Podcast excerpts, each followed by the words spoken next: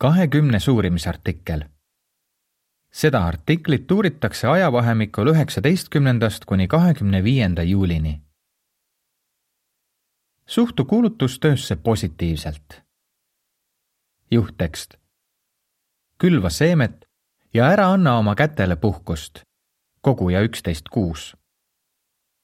alguslaul number seitsekümmend. otsigem üles väärilised.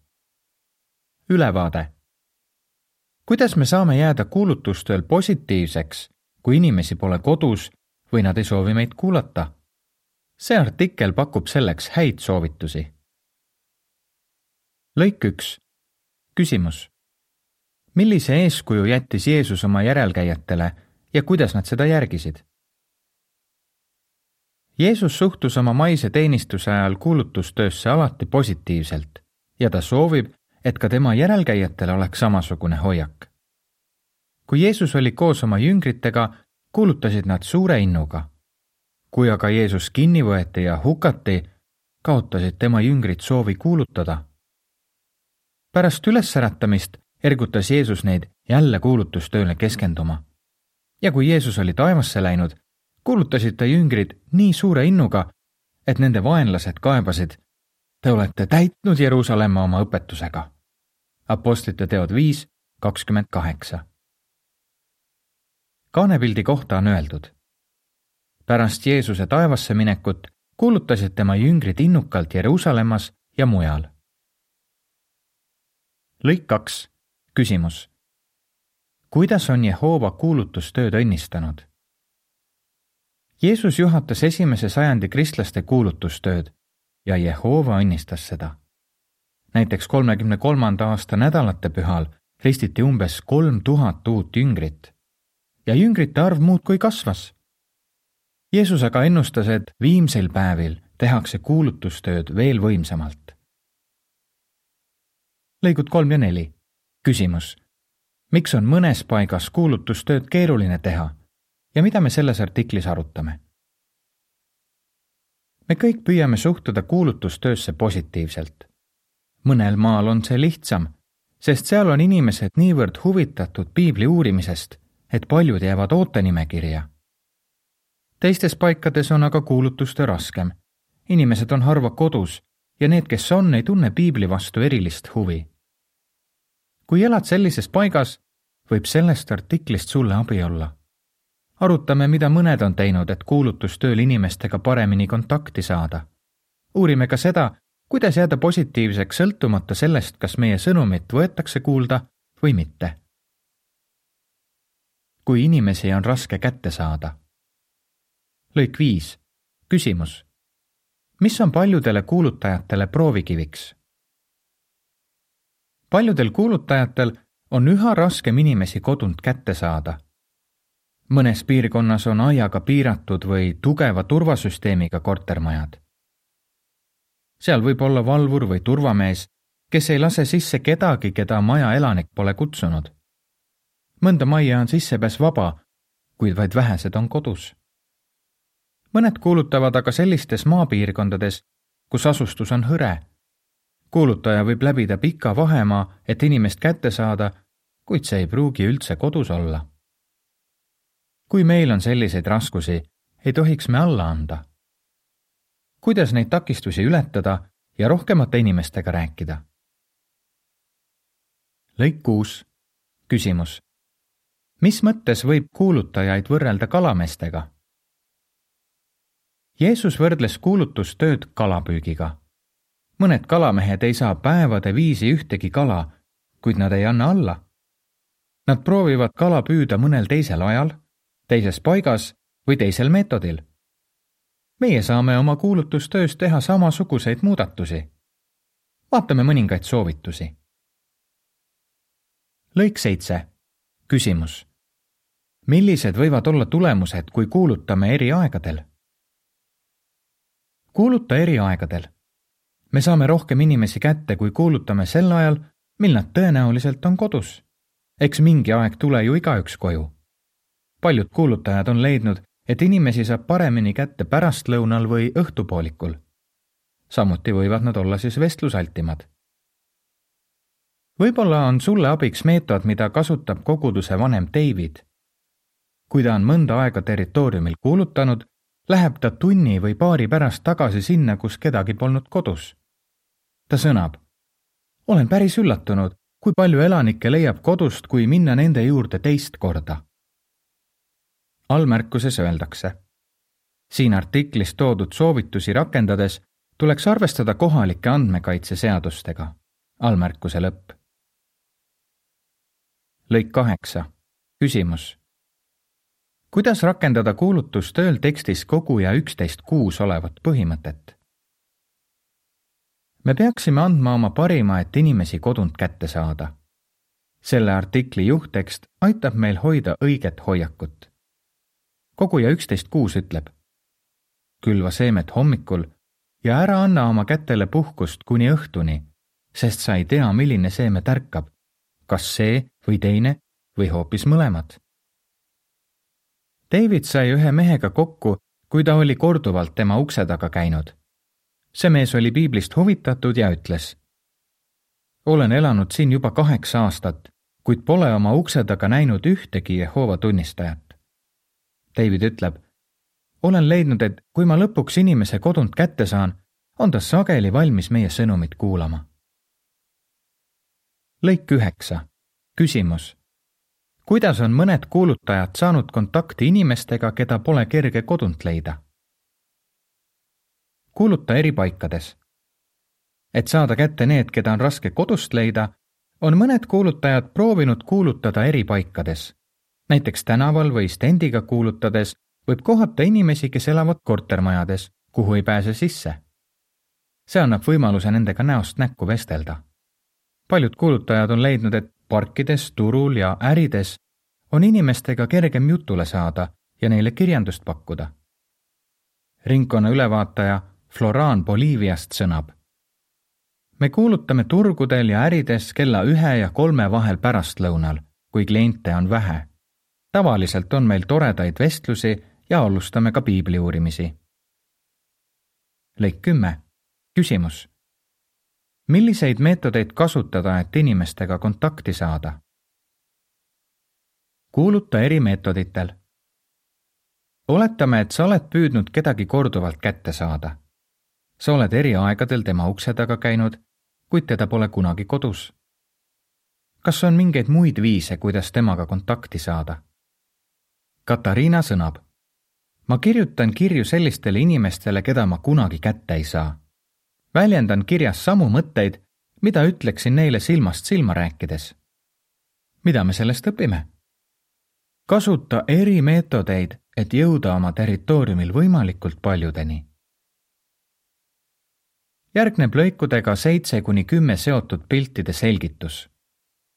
abielupaar kuulutab piirkonnas, kus on raske inimesi kodunt kätte saada.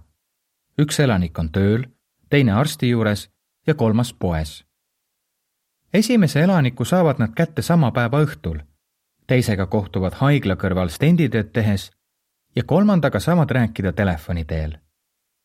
pildi allkirjas öeldakse. kui sinu territooriumil on inimesed harva kodus, siis püüa kuulutada eri aegadel, eri kohtades ja erisugustel meetoditel. Kui inimesed pole huvitatud. lõik üksteist, küsimus miks on paljud meie sõnumi suhtes ükskõiksed? paljud pole meie sõnumist huvitatud. Nad ei tunne vajadust Jumala ja piibli järele. Nad ei usu Jumalat, sest maailmas on nii palju kannatusi. Nad pole piiblist huvitatud paljude vaimulike silmakirjalikkuse tõttu. teised on hõivatud oma töö, pere ja isiklike probleemidega ja nad ei näe, kuidas piibel saaks neid aidata kuidas säilitada rõõmu, kui huvi meie sõnumi vastu on kesine? lõik kaksteist, küsimus. kuidas me saame kuulutustööl rakendada tekstis Filiplastele kaks neli olevat põhimõtet? näita, et sa hoolid inimestest. paljud, kes on olnud esialgu hea sõnumi suhtes ükskõiksed, on hiljem siiski olnud valmis meiega vestlema, kui nad on näinud, et kuulutaja tõesti hoolib neist Filiplastele kaks neli ütleb. ärge pidage silmas üksnes enda, vaid ka teiste kasu varem mainitud David sõnab. kui keegi ütleb, et usuasjad teda ei huvita, siis panen piibli ja kirjanduse kõrvale ning lausun. kas ma tohiksin küsida, kas teil on alati selline seisukoht olnud? inimesed tajuvad, kui me neist hoolime. Tavaliselt nad unustavad, mida me rääkisime, kuid nad mäletavad, millise tunde see neist tekitas.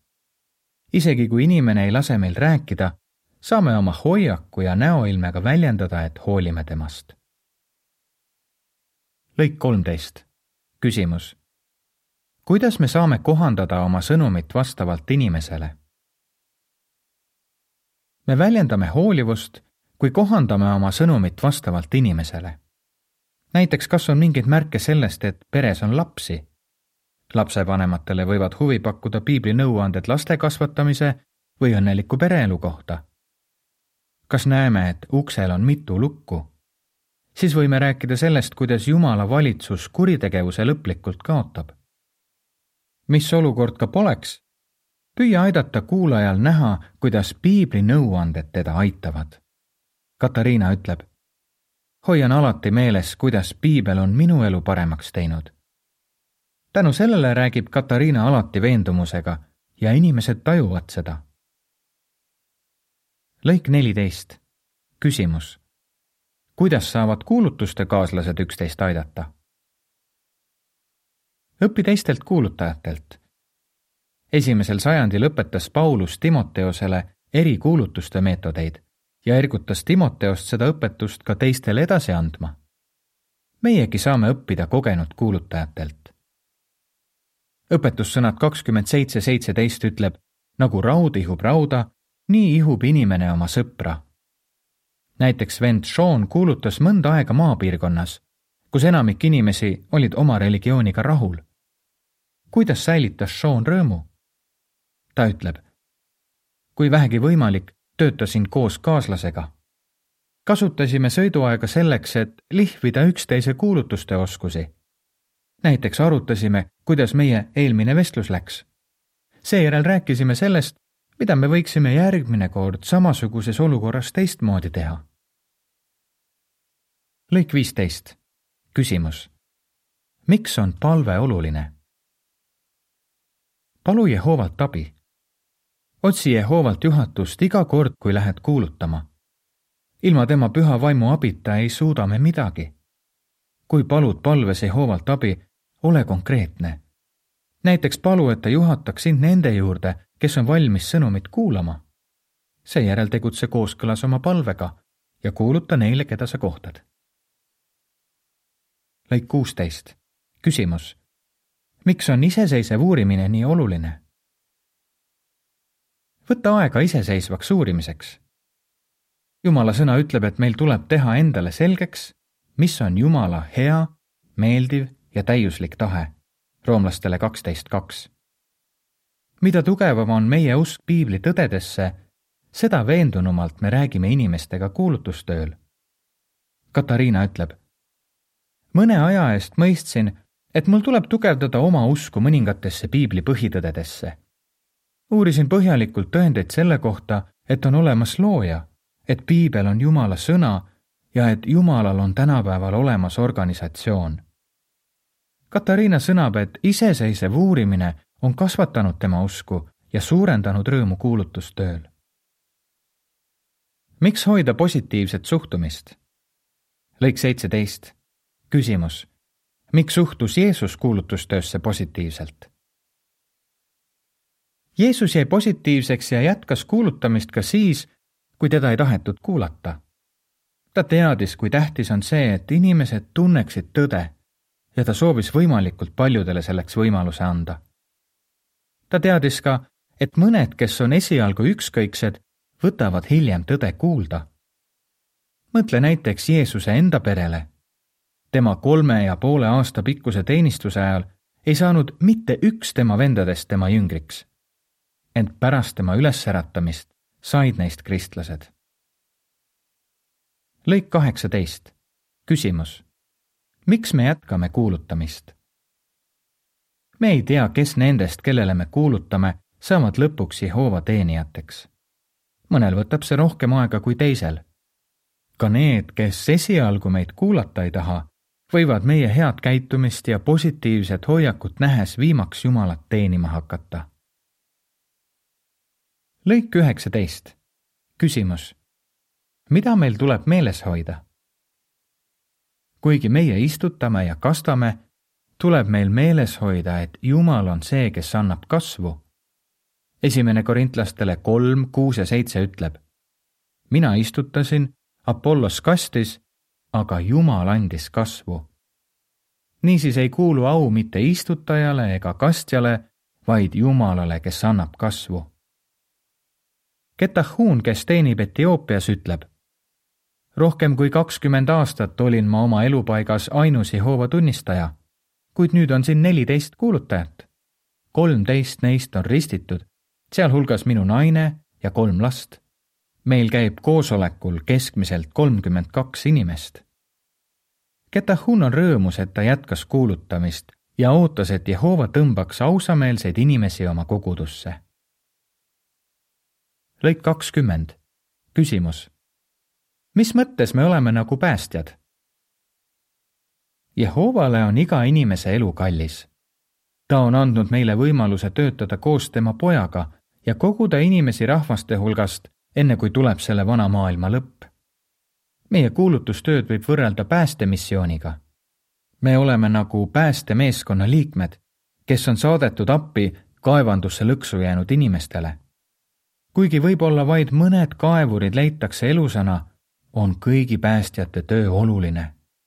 sama käib ka meie kuulutuste kohta me ei tea, kui palju inimesi praegusest saatana maailmast päästetakse kuid Jehova saab meist igaüht selles töös kasutada.